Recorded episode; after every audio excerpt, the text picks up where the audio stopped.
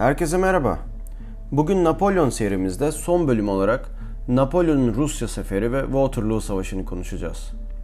Tarihçi Michael Brars'ın 3 ciltlik Napolyon tarihi serisinin son cildiyle Napolyon serimizi bitiriyoruz.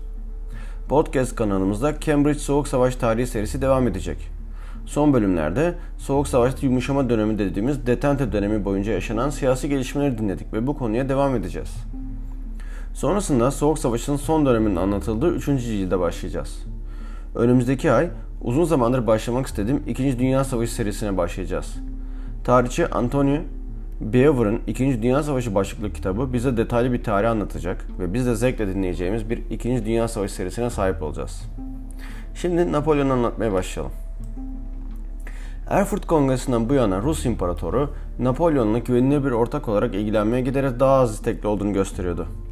Bu nedenle 1812 baharında Napolyon, Alexander'ı korkutmak için kuvvetlerini Polonya'ya yığdı. Son birkaç anlaşma girişiminden sonra Haziran ayı sonlarında Napolyon'un büyük ordusu, Prusya ve Avusturya'dan zorlanan birlikler dahil olmak üzere 600 bin adam Nemen Nehri'ni geçmeye başladı. Ruslar, Ruslar yakıp yıkma politikasını benimseyerek geri çekildiler. Napolyon ordusu Eylül başına kadar Moskova'ya yaklaşamadı.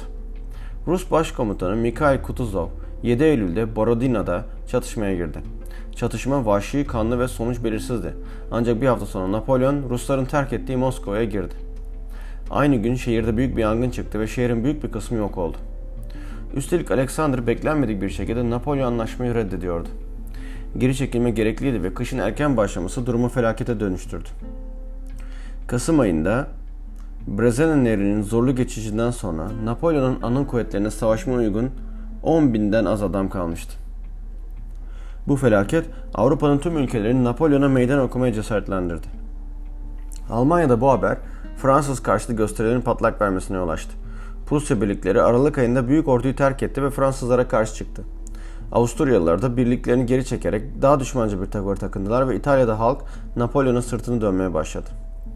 Fransa'da bile rejime karşı hoşnutsuzluğun işaretleri giderek sıklaşıyordu. Paris'te hoşnutsuz bir general olan Claude François de Malet, 23 Ekim 1812'de Napolyon'un Rusya'da öldüğünü duyurduktan sonra neredeyse bir darbe gerçekleştirmeyi başarıyordu. Bu olay Napolyon'un büyük ordudan önce Fransa'ya dönme kararında önemli bir faktördü. 18 Aralık'ta Paris'e vardığında diktatörlüğü güçlendirmeye, çeşitli yollarla para toplamaya ve yeni birlikler toplamaya girişti. Böylece 1813'te Fransa'ya karşı sıralanan kuvvetler artık paralı askerden oluşan ordular değil, Fransızların 1792 ve 93'te özgürlükleri için savaştığı gibi özgürlükleri için savaşan ulusların ordularıydı. Fransızlar da tüm cesaretlerine rağmen eski heyecanlarını kaybetmişlerdi. İmparatorun fethi ideali artık ulusun ideali değildi. Mayıs 1813'te Napolyon, Lützen ve Botzen savaşlarında Ruslara ve Prusyalara karşı bazı başarılar kazandı. Ancak yok edilen ordusunun takviye ihtiyacı vardı. Avusturya'nın silahlı ara buluculuğu Napolyon'un ateşkesi kabul etmeye sevk etti ve bu sırada Prag'da bir kongre düzenlendi. Orada Avusturya çok uygun koşullar önerdi. Fransız İmparatorluğu doğal sınırlarına dönecekti. Varşova Büyük Dükalığı ve Rem Konfederasyonu feshedilecekti ve Prusya 1805'teki sınırlarına dönecekti. Napolyon çok uzun süre tereddüt etme hatasını yaptı. Kongre onun yanıtı gelmeden 10 Ağustos'ta kapandı ve Avusturya Savaşı ilan etti. Fransızların bu sefer durumu Bağır'a göre daha kötüydü.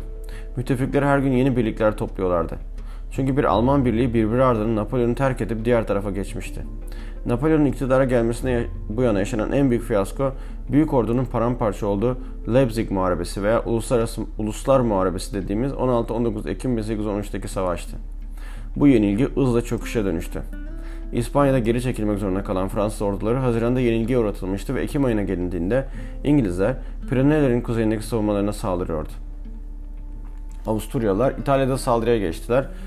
Adige Nehri'ni geçtiler ve Romanya'yı işgal ettiler. Romagna'yı, Romanya değil. Kendisini Napoli kralı yapan imparator artık açıkça hainlik yapan Murat, Viyana Sarayı ile görüşmelere başlamıştı. Hollandalılar ve Belçikalılar Napolyon'a karşı gösteri yaptılar. Ocak 1814'te Fransa tüm sınırlarından saldırıya uğruyordu. Müttefikler akıllıca bir şekilde Fransız halkına karşı değil, yalnızca Napolyon'a karşı savaştıklarını duyurdular.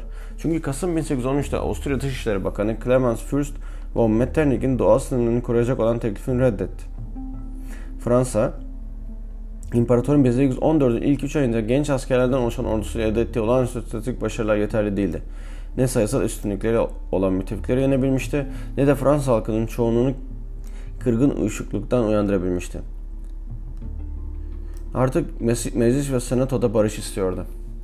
Mart 1814'teki Chaumont Anlaşması ile Avusturya, Rusya, Prusya ve Büyük Britanya kendilerini 20 yıl süreyle birbirlerine bağladılar. Ayrı ayrı müzakere etmemeyi taahhüt ettiler ve Napolyon devrilene kadar mücadeleyi sürdüreceklerine söz verdiler. Müttefik orduları 30 Mart'ta Paris'in önüne vardıklarında Napolyon arka muhafızlarına saldırmak için doğuya doğru hareket etmişti. Artık imparator tarafından korkutulmayan Parisli yetkililer müttefiklerle ilişkilerde hiç vakit kaybetmediler. Geçici hükümetin başkanı olarak Talleyrand, imparatorun tahttan indirildiğini ilan etti ve Fransız halkına danışmadan idam edilen Louis XVI'nin kardeşi olan Louis 18 ile müzakerelere başladı. Napolyon Paris'in teslim olduğunu duyduğunda ancak Fontainebleau'ya ulaşmıştı.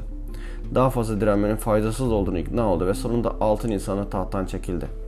Fontainebleau anlaşması ile müttefikler ona Elba adasını egemen bir prenslik olarak Fransa tarafından sağlanacak yıllık 2 milyon franklık bir geliri ve 400 gönüllüden oluşan bir korumayı verdiler. Ayrıca imparator ünvanını da korudu.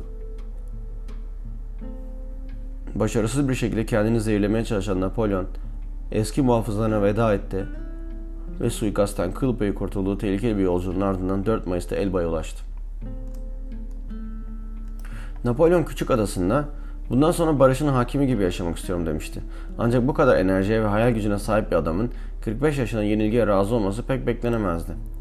Üstelik Fransa'da Bourbon restorasyonu kısa sürede eleştirilere maruz kaldı. 1814'te Fransız halkının çoğunluğu imparatordan bıkmış olsa da Bourbonların geri dönüşüne dair hiçbir arzularını dile getirmemişlerdi. Devrimin temel başarılarını güçlü bir şekilde bağlıydılar ve 18. Louis hiçbir şey öğrenmemiş ve hiçbir şey unutmamış ve nüfusu ülkelerin çoğunu tehdit e, gibi görünen hayatta kalan son göçmenlerle birlikte yabancıların bagaj treniyle geri dönmüştü. Devrimin başarıları görülmüyordu. Nisan 1814'ün ilgisiz hızla yerini güvensize bırakmıştı. Eski nefretler yeniden canlandı, direniş örgütlendi ve komplolar oluşturulmaya başlandı. Elba'dan Napolyon kıtayı yakından takip ediyordu. Avrupa'nın kaderinin belirlendiği bir kongrenin yapıldığı Viyana'daki bazı diplomatların Korsika ile İtalya arasındaki Elba'yı Fransa ve İtalya'ya çok yakın gördüklerini ve onu Atlantik'teki uzak bir adaya sürgün etmek istediklerini biliyordu. Ayrıca Avusturya'yı Marie Louise ve oğlunun kendisine katılmasını engellemekle suçladı. Aslında Marie Louise bir sevgili edinmişti ve kocasıyla yaşama niyeti yoktu. Buna ek olarak Fransız hükümeti Napolyon'un açlığını ödemeyi reddetti. Bu yüzden onu yoksulluğa düşürmek, düşürme tehlikesiyle karşı karşıya bırakmıştı. Bütün bu düşünceler Napolyon harekete geçmeye itti. Her zamanki kararlılığıyla Fransa yıldırım gibi döndü. 1 Mart 1815'te muhafızların oluşan bir müfreze ile kana çıktı. Alpleri geçerken Cumhuriyetçi köylüler onun etrafına toplandı ve Grenoble yakınlarında onu tutuklamak için gönderilen askerlerin desteğini kazandı. 20 Mart'ta Paris'teydi. Napolyon bir yıl önce düşmüş bir imparator olarak değil, devrim ruhunun vücut bulmuş hali olarak yeniden iktidara geldi. Fransız kitlesinin kendi davasına toplamak için Jacobinlerle ittifak kurması gerekirdi ama bunu yapmaya cesaret edemedi. Hakimiyetini kendisini güvence altına aldı ve her şeyden önce 1793 ve 94'teki radikal deneylerin yeniden canlanmasından korkan burjuvaziden kaçmayı başaramadığından yalnızca 18. Louis'ten pek ayırt edilemeyen siyasi bir rejim kurmuş oldu. Coşku hızla azaldı ve Napolyon macerası bir çıkmaz sokak gibi görünüyordu. Napolyon sınırlara yılan müttefik birliklerine karşı koymak için bir ordu topladı ve bu ordu ile birlikte Belçika'ya yürüdü ve 16 Haziran 1815'te Ligny'de Prusyalıları mağlup etti. İki gün sonra Waterloo'da savaşın galibi Wellington komutasındaki İngilizlerle karşılaştı. Bunu vahşi bir savaş izledi. Gebhard Blücher yönetimindeki Prusyalılar İngilizleri takviye etmek için geldiğinde Napolyon zafere yaklaşmıştı ve çok geçmeden eski muhafızların kahramanlığına rağmen Napolyon Waterloo Savaşı'na yenildi. Paris'te parlamento Napolyon'u tahttan çekilmeye zorladı. Bunu 22 Haziran 1815'te oğlunun lehine yaptı. 3 Temmuz'da Amerika Birleşik Devletleri'ne gitmek üzere Rochefort'taydı. Ancak bir İngiliz filosu herhangi bir Fransız gemisinin limandan ayrılmasını engelledi. Napolyon daha sonra koruma için İngiliz hükümetine başvurmayı kabul etti. İsteği kabul edildi ve 15 Temmuz'da Bellefon'a indi. Müttefikler bir noktada anlaştılar. Napolyon Elba'ya geri dönmeyecekti.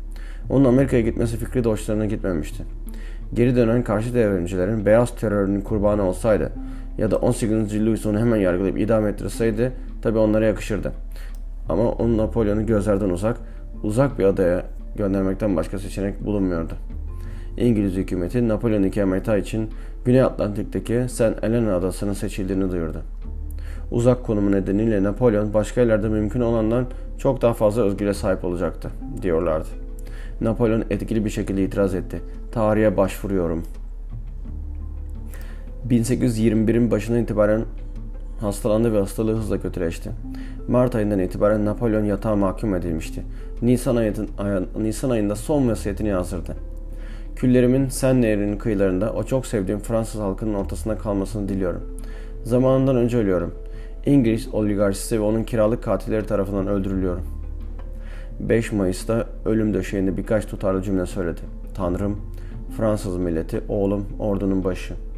O gün saat 17.49'da öldü. Henüz 52 yaşında değildi. Böylelikle Napolyon serimizi bitiriyoruz. Kanalımızda Soğuk Savaş tarihini ve pek yakında başlayacak 2. Dünya Savaşı serisini takip edebilirsiniz. Destekleriniz için teşekkürler.